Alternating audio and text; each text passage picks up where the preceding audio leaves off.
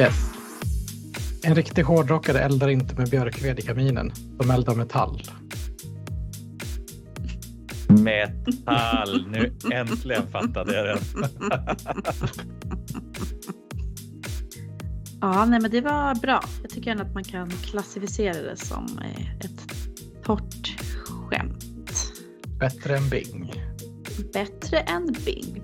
Jaha, hej och välkomna till eh, det här avsnittet av Vi jobbar med eh, data. Jag heter Amanda. Jag heter Ola. Jag heter Simon. Och eh, idag har vi faktiskt en gäst med oss igen. Så välkommen tillbaka Sara. Du var med oss på Teamsdagen men nu får du även komma in i poddstudiovärmen. Hur mår du? Hej, ja men eh, jag mår bra idag. Det känns kul att få vara här med er igen faktiskt. Kanske ha lite längre session än sist. Ja, och med eh, massor av publik. Nu är det ingen publik för nu sitter vi här ensamma på i alla fall tre, tre och en halv platser i, i världen. Lite övrigt okej, i Sverige. Jag tänker att ni är två i Umeå. Ja men Simon och Ola, hur är läget med er? Hur har er vecka varit? Eh, Läget är väl rätt okej. Jag är fortfarande småförkyld sen förra inspelningen. Det släpper liksom inte. Men annars är det ganska bra. Vi fick snö igår så vi har ju mer snö än vad Umeå har utanför Gävle. Så det, det är trevligt. Det blev vinter igen, bara plötsligt. Men också minus åtta som vi hade igår. Nej, vi har nollgradigt så det är liksom tung blöt snö och en fin plogvall som jag bara skjuter på att jag måste gå ut och ta hand om för att inte det ska bli problem att komma ut med bilarna. Livet Ola vet, att han kan, Ola vet att han kan skriva till mig och, och klaga på en plogvall för han, han vet att jag förstår. Så han gjorde Precis, det lite tidigare idag. Precis, sen hoppar jag bara upp på fyrhjulingen och plogar bort den själv och sen är, det- sen är det klart med det. Inte riktigt lika lätt som du har Simon. Jag är lite besviken att du inte handjagar det för att eh, det, det finns ju, nej, jag skojar bara. Jag skulle gärna haft en, vad heter det, snöslunga tror jag. Nu när jag äntligen har rensat ut garaget och kan ha bilen där inne så att eh, ja, då kanske man skulle kunna använda en snöslunga. Ja, vi ser, vi ser hur vintern utvecklas. Ja, när ni mina eh, norrvänner tänker på snö så tänker jag på mitt nya tangentbord. Jag berättade alldeles innan det här för Sara och Ola att Eh, jag har så många sladdar nu som jag måste fixa. Jag gjorde en liten beställning på Amazon där jag ska försöka bunta ihop sladdarna och tejpa lite snyggt under mitt skrivbord. Men nu känns det bara sjukt kaosartat. Men tangentbordet är så fint. Det blinkar rosa och, och lila och, och blått och ja. Jag är väldigt nöjd. Det låter fantastiskt. Det låter som ett litet gaming-tangentbord, eller? Ja, nja, ja, kanske. Det kanske kommer upp en bild sen på, på sociala medier när jag har fått eh, pli på alla sladdarna. Men hur gick det med den här äh, musmattan du köpte Amanda? Eh, den är också jättefin. Den är lite mindre än vad jag trodde, men det är den liksom rosa. Eh, den har katter och hjärtan och stjärna på sig och så är den liksom formad lite som ett hjärta. Nej, men ni ska se det. Det är väldigt kittad nu. Och, Tänk att du eh, kanske kan er- göra som, eh, som vissa brukar göra när de skapar en egen Instagram åt sin hund eller något liknande. Du kanske kan göra det till ditt tangentbord. Ja, för mitt skrivbord med all min, med all min Ja. gear. Ja, men ni som är, har lyssnat sedan start minns ju i våras när, när jag pratade om min, min eh, stream deck som används flitigt funderar faktiskt på det, Amanda. Jag lyssnade på det avsnittet och tänkte fråga hur det gick med den, men det går alltså bra. Den används väl. Jag. Nu överdrev jag lite, jag sitter hos min kund 100% men när jag snart rullar av då ser jag framför mig att jag ska bara peppra ur mig saker från min streamer. Men skvallra inte till eh, min chef så att hon inte blir sur på mig att jag inte använder min streamdeck mer. Jaha, idag tänkte vi att vi ska prata lite mer om ambassadörer för det är ju Sara grym på. Och dessutom så tänkte vi prata lite om inkludering i IT-branschen. Nu kör vi! Okej, ni vet ju att för några veckor sedan var jag ju på konferens i Storbritannien och höll en workshop om ambassadörer.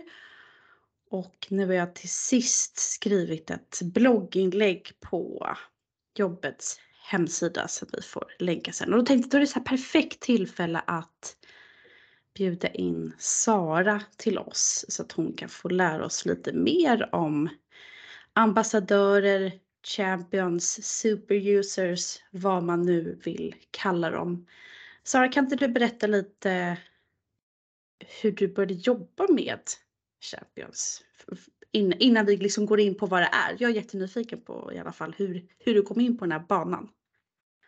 Eh, ja, ja men eh, det var någon, eh, någon kund som jag hade som skulle börja jobba med Teams och då hade jag väl hört talas om det här med ambassadörer. Jag hade väl läst och sett på någon Teams eh, utbildning som det var något nätverk där eh, de tog upp just ambassadör, att det är ett bra sätt att kunna sprida kunskap och öka användningen av ett nytt IT-verktyg. Det behöver inte vara Teams såklart, men eh, i och med att jag jobbar mycket med Teams så vart det då Teams ambassadörer.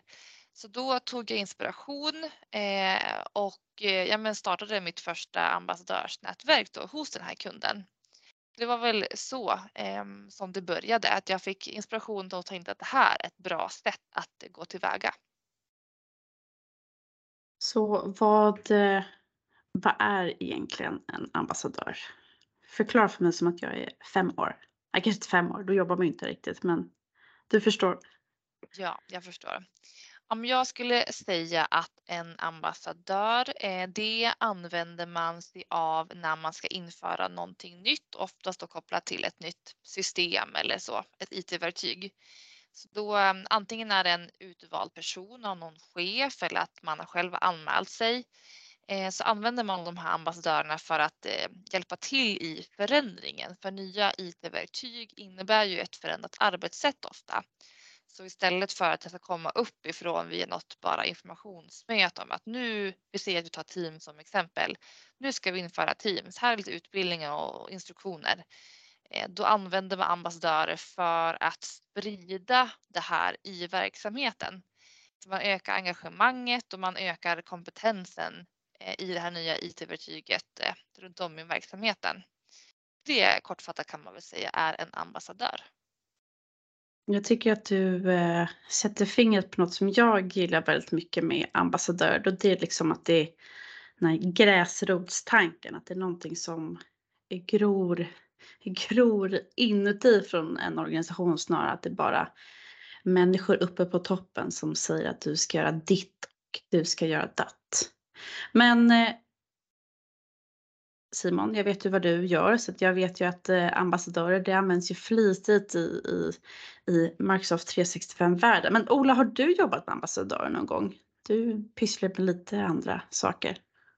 Ambassadör, lite grann gjorde vi det på tidigare arbetsplats som jag hade med kring när man ville få upp Windows 11 adoption lite grann. Eh, att få folk att våga börja använda det, men då kallade vi kanske mer superusers. Men det var samma idé att vi lärde upp vissa människor hur man använder Windows 10 på ett så effektivt sätt.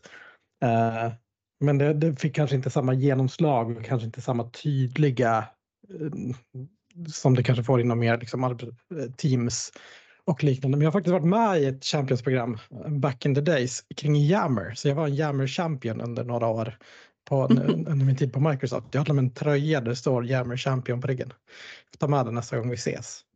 Ja, jag swag är viktigt. Jag, Precis. jag kom på en fråga som jag tänkte så här, nu kanske jag hoppar i förväg här lite. Men alltså, det som du sa nu Sara, det är ju väldigt intressant att det kanske är de som har signat upp som vill eller det är någon, som, någon chef som tycker att det är någon som ska vara med.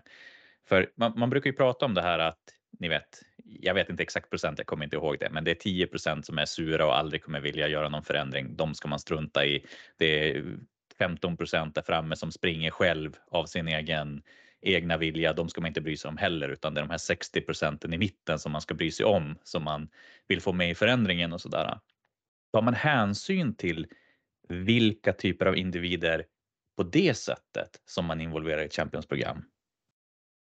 Men eh, bra fråga och eh, beroende på lite tänker jag, vilken strategi man använder för att få fram de här ambassadörerna. Så om man tänker att man anmäler sig själv så förmodligen då kommer de här som är längst fram och springer att anmäla sig för de är sugna på ny teknik och de vill lära sig och så där. Men jag tänker att ett eh, optimalt gäng av ambassadörer är ju en blandning. Jag tänker det är väldigt viktigt att de här ambassadörerna dels kommer från olika delar av verksamheten, kanske olika ålder, olika kön, men även olika nivåer av kunskaper. Att det är kanske några som är lite halvers, eh, kanske inte är super IT-vana, men måste ju vara öppen för att lära sig nya saker såklart. Det kan ju vara lite svår, tungrot att eh, en ambassadör är den personen som är väldigt kritisk mot det nya. Sen såklart den det är de som man helst vill få över. Om man kan få den kritiska massan att tycka att det här Teams, men det är ju ett bra verktyg. Då har man ju verkligen lyckats. Om det ska vara en mm. ambassadör kan ju vara svårt. Men, eh, man pratar ju om buy-in i organisationen så att jag tror att jag tror att många gånger kan det ju också vara bra säkert, tänker jag mig, att det är en ja, men, låt oss kalla den ledargestalt eller sådana som har möjlighet att påverka också. Ledare, ja, exakt. Sådana som har egenskapen att få med sig andra också på tåget lite grann.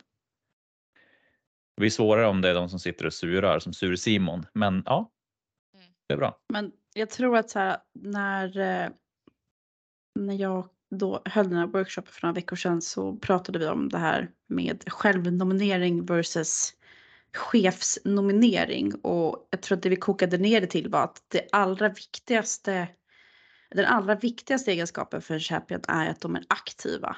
Så att oavsett vad det är för person, sen bara de är aktiva och liksom vill, vill lära sig mer och vill hjälpa sina kollegor så tänker jag att det är liksom det, det, det mesta andra löser sig. Det kommer ju aldrig vara de där surisarna som eh, som nominerar sig själva för de är ju sura oavsett. Men eh, bara man har något typ av intresse att komma framåt. För det känns ju också viktigt att man alltså att man håller det öppet och att det liksom inte bara behöver vara de som är mest framåt i tekniken utan att så här, det ska vara för alla olika typer av personer i en organisation som ändå vill, vill väl. Mm. Men jag tänker att man kan göra som en hybrid också. Eh, att man kanske börjar med att säga att alla som, som är intresserade får anmäla sig.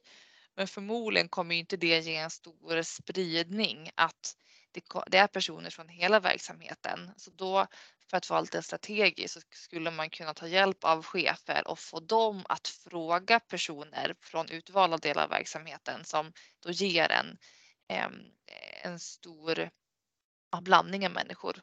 Eh, det tänker jag också är ett sätt att man börjar först med eh, självanmälning och sen får chefer fråga. Eh, har en tanke om i alla fall. Jag har inte använt den varianten, jag bara kört en eller andra, men jag tänker att en hybrid också är ett alternativ. Det känns ju som att det måste vara det bästa. Som allt, det är liksom lite lagom är, är bäst. Och nu ska jag inte komma in på vårt andra ämne som är inkludering. Men jag tänker mig också att ibland kan det vara så att eh, kvinnor kanske är lite mer liksom, nej inte ska jag, bla bla bla. Och då kanske det kan vara väldigt bra med en chef som säger att hör du Britta, you can do it. Jag tror på dig att, liksom, att det behövs en liten, mm. en liten push. Jag tror att, att, är, du en, är du en närvarande chef så kanske du har skaffat en upp en uppbildning, vad säger jag nu? En bild av hur personer fungerar också och i vilken form de skulle kunna tillföra värde. Det kan ju vara både att det är utvecklande för den personen, den behöver kanske ha en liten boost. För jag kan ju tänka mig också att sitter man där i ett gäng med med ambassadörer eller champions där vissa är jättepå. Eh, det kan ju också vara, det kan ju också vara så att man påverkar varandra också till en början i det gänget och det blir mer engagemang på så sätt och sen mynnar det här ut i andra delar av verksamheten efteråt också. Ja. Ja, alltså ju fler som blir ambassadörer och visar att det är kul så kommer ju ännu fler vilja bli det. Mm. Okej, okay, men Sara, hur, eh, hur kommer vi igång? Sätter vi oss ner vid bord och bara nu kör vi? Eller hur börjar man? Hur börjar man på ett företag från när man ska börja med ambassadör? Ja, men jag tänker det första man gör är att man ställer sig frågan varför? Varför ska vi ha ambassadörer? Vad är syftet med det? Eh, och eh, med vad, vad strävar vi mot? Med, vad, vad är målet med det här? Eh, och sen eh, att man också pratar med chefer och förklarar att det här, vi ska ha ett ambassadörsprogram eh, så att de är med på, på spåret också. Och det jag tänker blir viktigt i rekryteringen av ambassadörer är ju att man sätter ganska tydliga riktlinjer. Eh, dels vad man förväntar sig eh, göra som ambassadör. Ja, men jag var inne på det att, att de ska vara aktiva är ju det viktigaste såklart. Men att man kan säga att ja, men ni kanske inte får använda ja, men Shadow IT till exempel. Eh, de ska hjälpa att förespråka det här nya verktyget. De ska vara Eh, ja, men aktiva om man har något team eh, där man eh, diskuterar det här och deltar på möten och sånt. Men även som man säger vad, vad, de, vad de kommer få. Ja, men, ni kommer få kanske regelbundna utbildningar, tips och tricks. Jag gillade det du sa Ola att du fick merch. Eh, man kanske får en, en kaffekopp eh, med någon logga eh, har gjort hos en kund eller att man får en t-shirt. Eh, eller att man eh, säga att ni får uppdateringar tidigare än alla andra så man sätter som ner eh, vad man kan förvänta sig. What's in it for me? Också. Ja, ja, men exakt och vad de kan få ut av det. Så att man mm. sätter den kontexten innan. Så att man då vet vad som gäller. Eh, men du sa det, jag tänker också, mm. tänker också så här att jag vet inte hur mycket du har varit med om det, men som du var inne på, om man tar ett steg tillbaka så är det ju så här, okej, okay, ur ett strategiskt perspektiv, vad vill vi åstadkomma här nu? Vad är det, vad, vad är det vi vill få ut av det här också?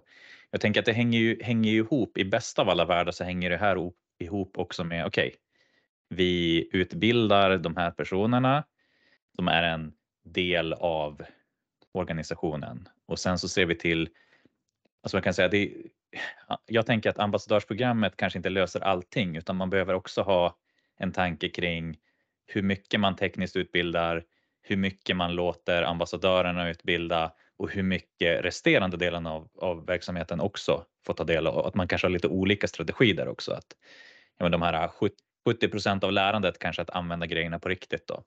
Har du varit med om att man har ett sånt där helhetstänk någon gång eller är det mer att man fokuserar på ambassadörsprogrammet som sådant? Jag skulle säga att eh, där jag har jobbat med det här så har man eh, använt ambassadörerna som det sätt att sprida kunskapen. Men jag håller med om att i bästa världar så har man två spår. Att man har en mer öppen generellt för alla och sen då, det är ett mer specifikt spår för ambassadörerna. Eh, men nej, där jag jobbar så har verksamheterna bara fokuserat på ambassadörerna och resten mm. får det är inte lika mycket fokus på dem. Klicka runt och dela en fil så kan du vinna en cheeseburgare. Nej, jag vet inte, men jag, jag tror att sätta lite utmaningar och aktivera de här andra användarna också mm. för att se till att promota att man faktiskt använder verktygen. För jag tror att, men... jag tror att ambassadörsprogrammen är en del av en del av pusslet, men kanske inte hela pusslet. Nej. Jag tror att det är det jag menar i alla fall. Ja, och så är, så är det ju verkligen. Alltså ambassadörer är ju är ett viktigt ett viktigt verktyg i förändring, men det är ju verkligen inte en, en magisk fixrätt alls, utan det är, liksom, det är en del i förändringen. Mm. Nej, men jag håller helt med. Vad har man mer då? Teams release party med tårta? Nej men Simon, jag kan dra hela min workshop för dig. Där går jag igenom alla komponenter. Nej men, eh, nej men det, alltså förändring är otroligt viktigt och det, det känns som att det verkligen de senaste åren i alla fall under min arbetstid har gått från att vara väldigt mycket IT-projekt till att vara en, en, en människofråga och det är väl det är förändringar, framförallt en människofråga. Men okej, okay, Sara, kan inte du eh, kan inte du ge oss ett eh, lyckat exempel? Jag vill höra lite så här success stories från verkligheten på bra championsprogram. Och typ bra, kul championsaktiviteter. Eh, ja, men ett, eh, ett tips där, eller något som jag gjorde var att jag skapade en logga för de här ambassadörerna som jag använde eh, lite överallt i alla presentationer. Jag hade den såklart som bild i, eh, i team, i teamet. Eh, så att man som kände igen sig och sen fick de även en, en kaffekopp med den här loggan. Så det tyckte jag ändå var lite kul. Eh, det var som en, ja, ett emblem kan man säga. Ehm, men eh, och sen tänker jag också såklart att man eh, skapar ett team och det här teamet så hade vi att det var alla välkommen till.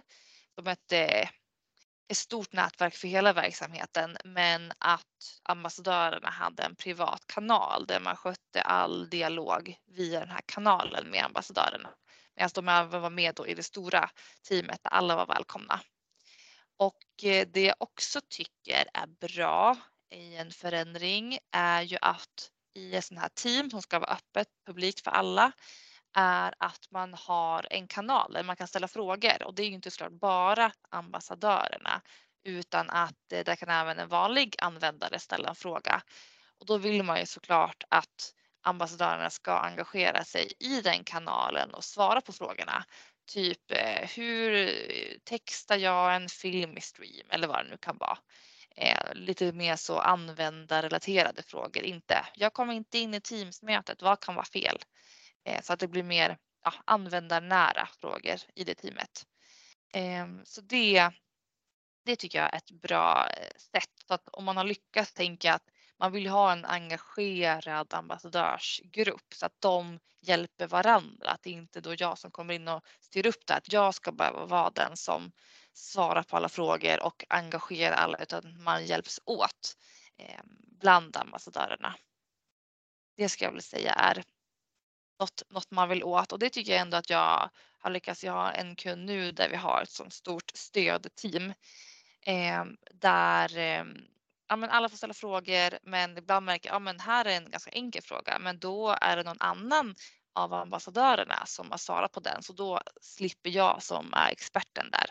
Och det är väldigt kul att se att man hjälps åt i ett sånt, sånt stödteam. Det är ju ändå typ drömscenariot när det bara blir ett självspelande organ. Det bara funkar. Men det känns ändå som att det krävs ganska det krävs ju ändå en del arbete för att det faktiskt ska bli så där och att det inte bara blir okej, okay, här är ett team, där sitter Sara och svarar på frågor utan att har du några tips på hur vi hur vi får folk att, att, att det liksom ska bli så aktivt och levande och, och, och bra utan, utan oss konsulter? Eh, ja, nej men jag tänker att eh, en bra start såklart när det finns konsulter med. Eh, men det man vill är ju att sen när man lämnar så ska ju eh, kunden kunna själv jobba vidare som du, som du nämnde. Jag tänker att ha, få, få fram en förvaltning tidigt, eh, kanske under implementeringen av då Teams om det är själva det man ska implementera. Att förvaltningen är, får vara med tidigt och på extra utbildning kanske finns några ambassadörer med där också så att de, man hjälper dem att vara självgående när man själv är på plats. Ehm, och att man, och så sen när man lämnar så får de driva den här förändringen. Det är de som får skicka tips och tricks i den här stödteamet till exempel. Så att man hjälper dem från början och sen eh, funkar det när man lämnar eh, är ju det man, det man vill. Eh, så att man inte gör allt jobb och sen när man som konsult lämnar så dör det ut. Det är ju mardrömmen för då har man jobbat upp någonting som sen bara går till spillo tänker jag. Ja, en fungerande förvaltning vill man ju som få till under tiden som implementeringen sker. Ja, det är ett superspännande ämne. Ambassadörer är, ambassadörer är väldigt viktigt. Ja, Ola Simon, har ni några sista tillägg eller någon sista fråga till Sara om, om ambassadörer? Egentligen inte. Det känns som det är ett ämne som vi skulle kunna prata hur länge som helst om. För det är ett väldigt intressant och väldigt, som du säger, värdeskapande sak att faktiskt jobba med. Väldigt viktigt i liksom en tid av konstant förändring. Men då har du någonting med Simon? Nej, alltså jag, jag är lite upptagen att gå ut och sätta upp ett ambassadörsprogram nu, för nu känns det som att jag kan allting här. Jag har ju fått facit helt enkelt. Nej, skämt åsido. Det, det, det finns ju det finns mycket värde i det här och jag tror att jag tror att det är många som skulle behöva hoppa på tåget och att man faktiskt inte bara ställer skorna på plan och lyfter ut en tjänst eller tillhandahållare utan att man verkligen tänker igenom hur, hur, vilken strategi man ska ha för att det ska börja användas och användas på rätt sätt så att man faktiskt får värde i organisationen. Och det här är ju en del av det pusslet. Så att ja, vi kommer säkert stöta och blöta lite liknande ämnen framöver också. Jag tror det. Sara, jag vill bara veta, är du kreativt lagd? Den här logotypen du gjorde, är det liksom, gör du ofta sånt? Eller eh, jag blev jättenyfiken på det. Ja, men det skulle jag absolut säga att jag är. Eh, jag tycker det är kul att, att pyssla med sånt. Jag kan skicka den till dig sen så kan du se hur loggan såg ut. jag vill jättegärna se hur loggan ser ut. Amanda, jag såg på LinkedIn att du hade blivit nominerad till någonting. Eh, ja, jag fick ett väldigt eh, fint och eh, överraskande mejl förra veckan från Adher Awards. Som, och jag fått en nominering av Caroline Kalin, en, en branschkompis i kategorin Superstar. Och jag vet ju faktiskt att eh, jag vet att Sara är involverad i AdHer. Vad är det? Ja, men AdHer är ett eh, nätverk för kvinnor inom IT-branschen där syftet är att eh, visa upp eh, att det finns väldigt många duktiga kompetenta IT-kvinnor och även eh, ja, men behålla kvinnor inom IT-branschen. Ehm, och jag är då driver för det lokala nätverket här i Umeå. Så jag och en eh, kollega driver eh, Umeås AdHer-nätverk. Kul. Det, är ni bara för eh, eh, Society och är det, det Capgemini va? Eller är det liksom, får, får jag också komma som är en tjej från ett annat företag? Ja men självklart Amanda får du också komma. Det är vi på Society som driver det här men det nätverket är ju till för alla kvinnor och ja, studenter också välkomna inom IT-branschen. Så vi finns på 18 olika orter så att det finns ju då i Stockholm ett eh, lokalt nätverk eh, där du är hjärtligt välkommen. Och eh, vi finns då på LinkedIn och om det finns både en eh, grupp för hela Sverige, Adher Sverige, men även då för varje lokal ort.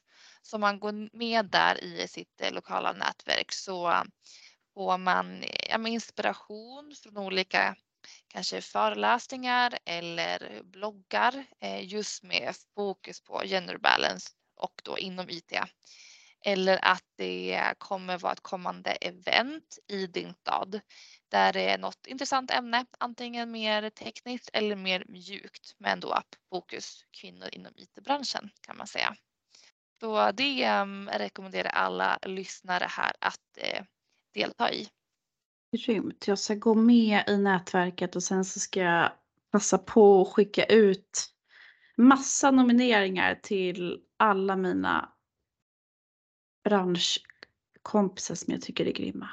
Ja, nu fick jag stor press på mig. Det är väldigt många men jag ska, jag ska försöka göra det. Det är väldigt fint tycker jag. Det är ett fint sätt att uppmärksamma personer i sin egen bransch. För det, kanske, det är ganska enkelt att uppmärksamma någon som man jobbar med men kanske lite svårare att uppmärksamma någon som man inte jobbar med. Eller det är klart det går att skriva på LinkedIn och sådär.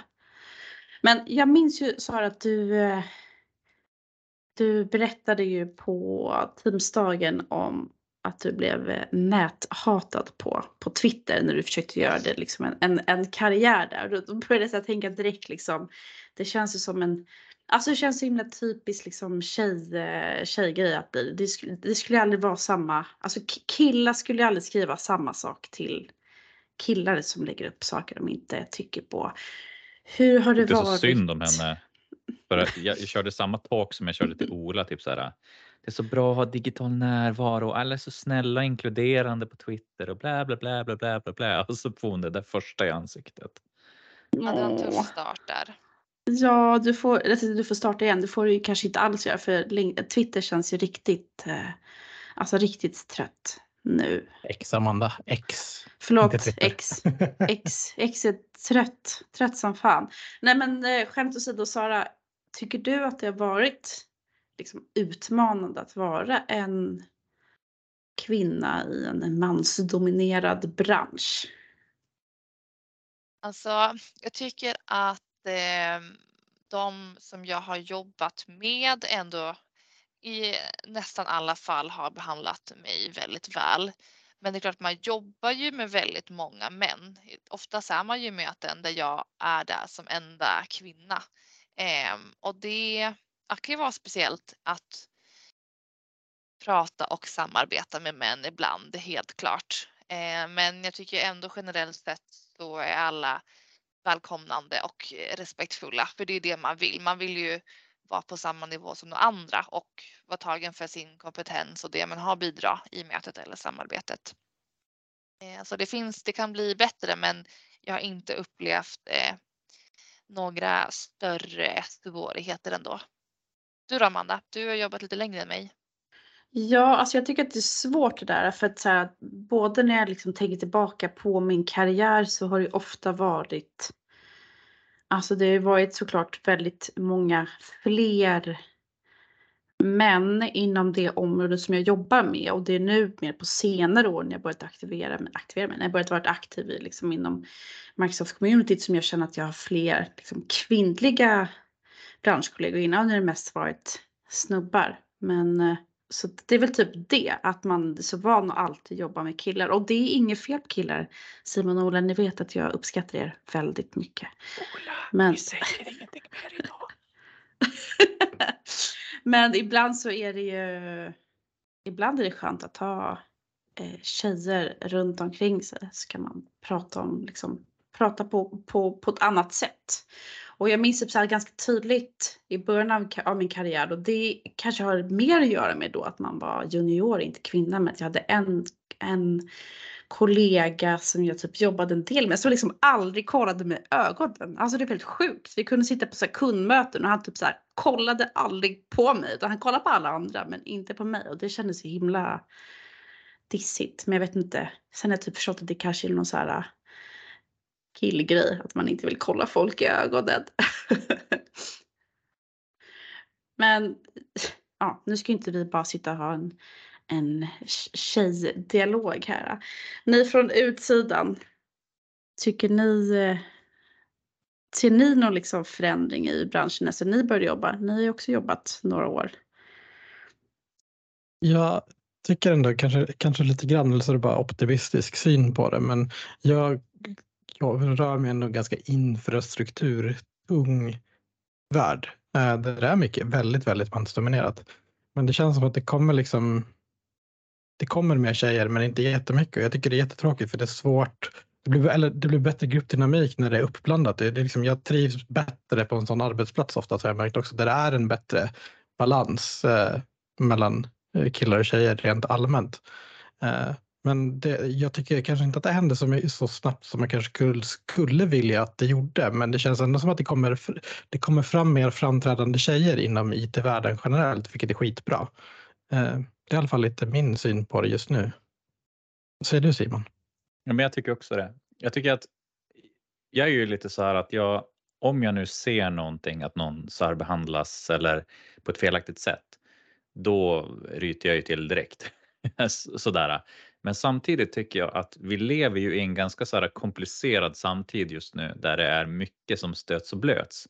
Jag tror inte riktigt vi har hittat alla former rätt och vad som är vad så att det är mycket som utkristalliseras under resans gång. Däremot precis som du säger Ola, jag tycker ju att Det är jättekul när det är mer tjejer eh, runt omkring. Eh, jag tycker att det är en roligare och mer givande arbetsplats. 100 procent. Sen är det ju alltid svårt och såna här, jag ska inte gå in på djupet, men liksom inkvoteringsfrågor, vad är vad? Ska det vara mer i styrelser eller inte? Alltså jag vet inte, jag har inte svaret på alla de grejerna, men jag tror och hoppas att under årens gång nu att vi kommer hitta rätt former och rätt balans. Politikern Simon. Ja, nej, men det, det är väl ett bra politiskt svar. Det, det kanske vi också ska nämna att det är klart att vi som sitter och här nu och snackar i vår podd att vi förstår att inkludering inte handlar om killar och tjejer utan att det finns så många mer saker som är spännande om man pratar om liksom bakgrund och ja, allt sånt där. Men nu, nu fick det bli just, just kön i, i det här sammanhanget. Och jag gillar verkligen det du säger Simon med det här att, att om någon är oskön så ryter du ifrån. För det tycker jag i alla fall är jätteviktigt att killar är liksom good allies. Alltså man kan inte sitta i en, en, ett, ett, en grupp med massa killar, ibland är tjejer med också, och dra så här osköna typ sexistiska skämt. De måste, de måste killar säga ifrån för annars så liksom fortsätts en sån trött kultur att frodas. Nu vill jag inte säga på plats här Ola, men vad, vad brukar du göra för att vara en good ally? Det, det, det, är väl just det där som du precis sa skulle jag vilja säga. Liksom, se till att försöka så ofta som möjligt säga ifrån och inte vara en del av en ganska toxisk manlig kultur på det viset som ofta blir det. Liksom. Jag, jag, jag tycker den jargongen kommer av och till fortfarande tyvärr på många, på många ställen liksom man är. Eh, det har blivit mycket, mycket bättre, absolut, men det finns fortfarande Tonrader. Så det är väl liksom det jag främst försöker göra. Och det, ja, men alla är ganska mycket vad Simon rent generellt säger. Eh, säga ifrån när det behöver sägas ifrån. Eh, att det liksom även om Även om det blir en obekväm stämning, vara den, dryg den liksom som, som säger ifrån. Det, det är alltid den rollen jag försöker ta mig. Mm. Vi kan inte ha så jättehöga förväntningar på alla att alla alltid ska göra rätt och sånt där. För jag menar, ni som känner mig vet ju att jag brukar ju skämta om det mesta. Alltså jag skämtar om mig själv väldigt mycket också sådär. Men det är klart att skulle, det, skulle jag hamna i någon sits då där någon skulle tycka att nej men du, det där var, det där var inte roligt eller nu gick det över gränsen eller någonting. Jag menar, det är otroligt viktigt för mig i alla fall att om jag nu har gjort någonting sånt som blir fel, att inte bli defensiv då, utan att istället då kanske okej, okay, nej men du har rätt, förlåt, jag ska tänka på det nästa gång. Jag tror att det åtminstone är vi skyldiga varandra.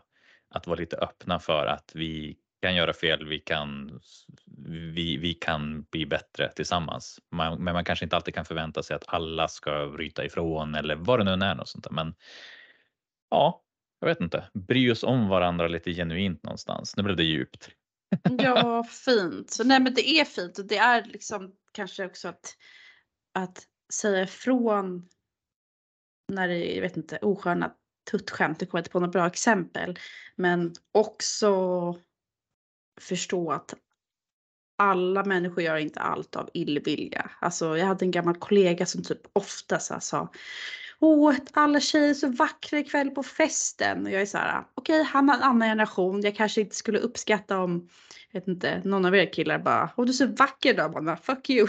Men han gjorde ju inte det för att han ville vara en mansgris. Det var bara för att det var liksom hans sätt att visa uppskattning. Så att, ja, men alltså ja. det, där är, det där är ju annorlunda för att, annorlunda, för att det där är typ en grej jag skulle kunna ha sagt förut också för att jag fick lära mig någonstans att det var att vara artig. Att säga vad vacker du är ikväll. Utan att man menade något med det. Så ja, ja. ja men, jag är helt men, enkelt för gammal. Nej men ja, så är det. Du är en äldre man. Nej det är du inte. Du, nej. En äldre generation Simon. är det till, tillhör du den, den äldre generationen? Så gammal är du inte. Men Sara, jag har en nyfiken fråga. Mm, ja. kring det här Ad Her-nätverket som vi ändå liksom startade diskussionen i. Var det från början ett internt nätverk som sedan ex- expanderades och blev liksom att man även inkluderade externa personer? Eller har det alltid varit ett externt nätverk som man har liksom bara tagit lead för från Societys sida? Eh, ja, men det har eh, rätt säker på att det alltid har varit externt. Att tanken är liksom att nå ut till den stora massan och inte bara så. Vi på Sorti, vi är så duktiga, utan att eh, man vill nå ut och visa att eh, ja, men titta vad, vad duktig vi är. Det finns massa kvinnor för att det finns en föreställning om att ja, men, det finns inga kvinnor i IT-branschen och då ville då Adher eh, säga ja, men det finns det visst. Titta vad många duktiga. Så att eh, nej, det har varit eh, öppet externt sedan starten. Och jag upplever det inte heller som någon sorts maskerat försök att rekrytera fler tjejer utan en, en genuin, ett genuint försök att liksom samla och belysa kvinnor inom IT. Mm. Nu är jag ledsen att jag missat där. Jag måste verkligen gå med. Ja, det tycker jag du ska göra Amanda. Och eh, jag vill passa på att göra lite reklam då eh, som Amanda blev nominerad till då Adher Awards. Jag tänker både Simon och Ola, ni har förmodligen fler duktiga kvinnliga kollegor eller de ni har jobbat med. Att då, eh, nominera dem till den här eh, då Ada Awards i eh, de olika kategorierna. Det finns fem stycken. Antingen Visionary, Superstar, Role Model, Energizer och Value Maker. Eh, så eh, visar vi upp så vad många duktiga det finns här i IT-Sverige. Jag tänker att det är lite som den här gamla trevliga funktionen i eh, Teams Praise. Alltså att det tar liksom en sekund att visa uppskattning till någon men man blir så himla glad när man får en nominering. Det är verkligen... Du är en eh, fin beskrivning också. Ja, det fick jag. Jag blev jätterörd. Ja. Jag skrev ett meddelande till Caroline och bara allt tillbaka till dig också. typ så. Ja, Men vi, vi, vi gör så att vi lägger en länk till nomineringen i våra show notes så att ni, kan, ni som lyssnar också kan gå in och nominera era kvinnliga kollegor och nära och kära som ni känner att ni vill nominera inom de här kategorierna som finns. Perfekt, bra idé. Jaha, Sara, tack så jättemycket att du kom och gästade oss idag. Jag tycker att du har lärt oss massa spännande saker om ambassadörer och bra prat om inkludering i IT-branschen. Vi ska alla gå hem och nominera minst en person var. Och eh, ja, tack för att ni har lyssnat. Ni kan följa oss på LinkedIn och där hittar ni alla våra andra uppgifter och sånt där. Och eh, så kommer vi skicka lite bra länkar i show notesen. Ni får ha en bra dag. Hej då, hej då! Hej då! Tjingeling!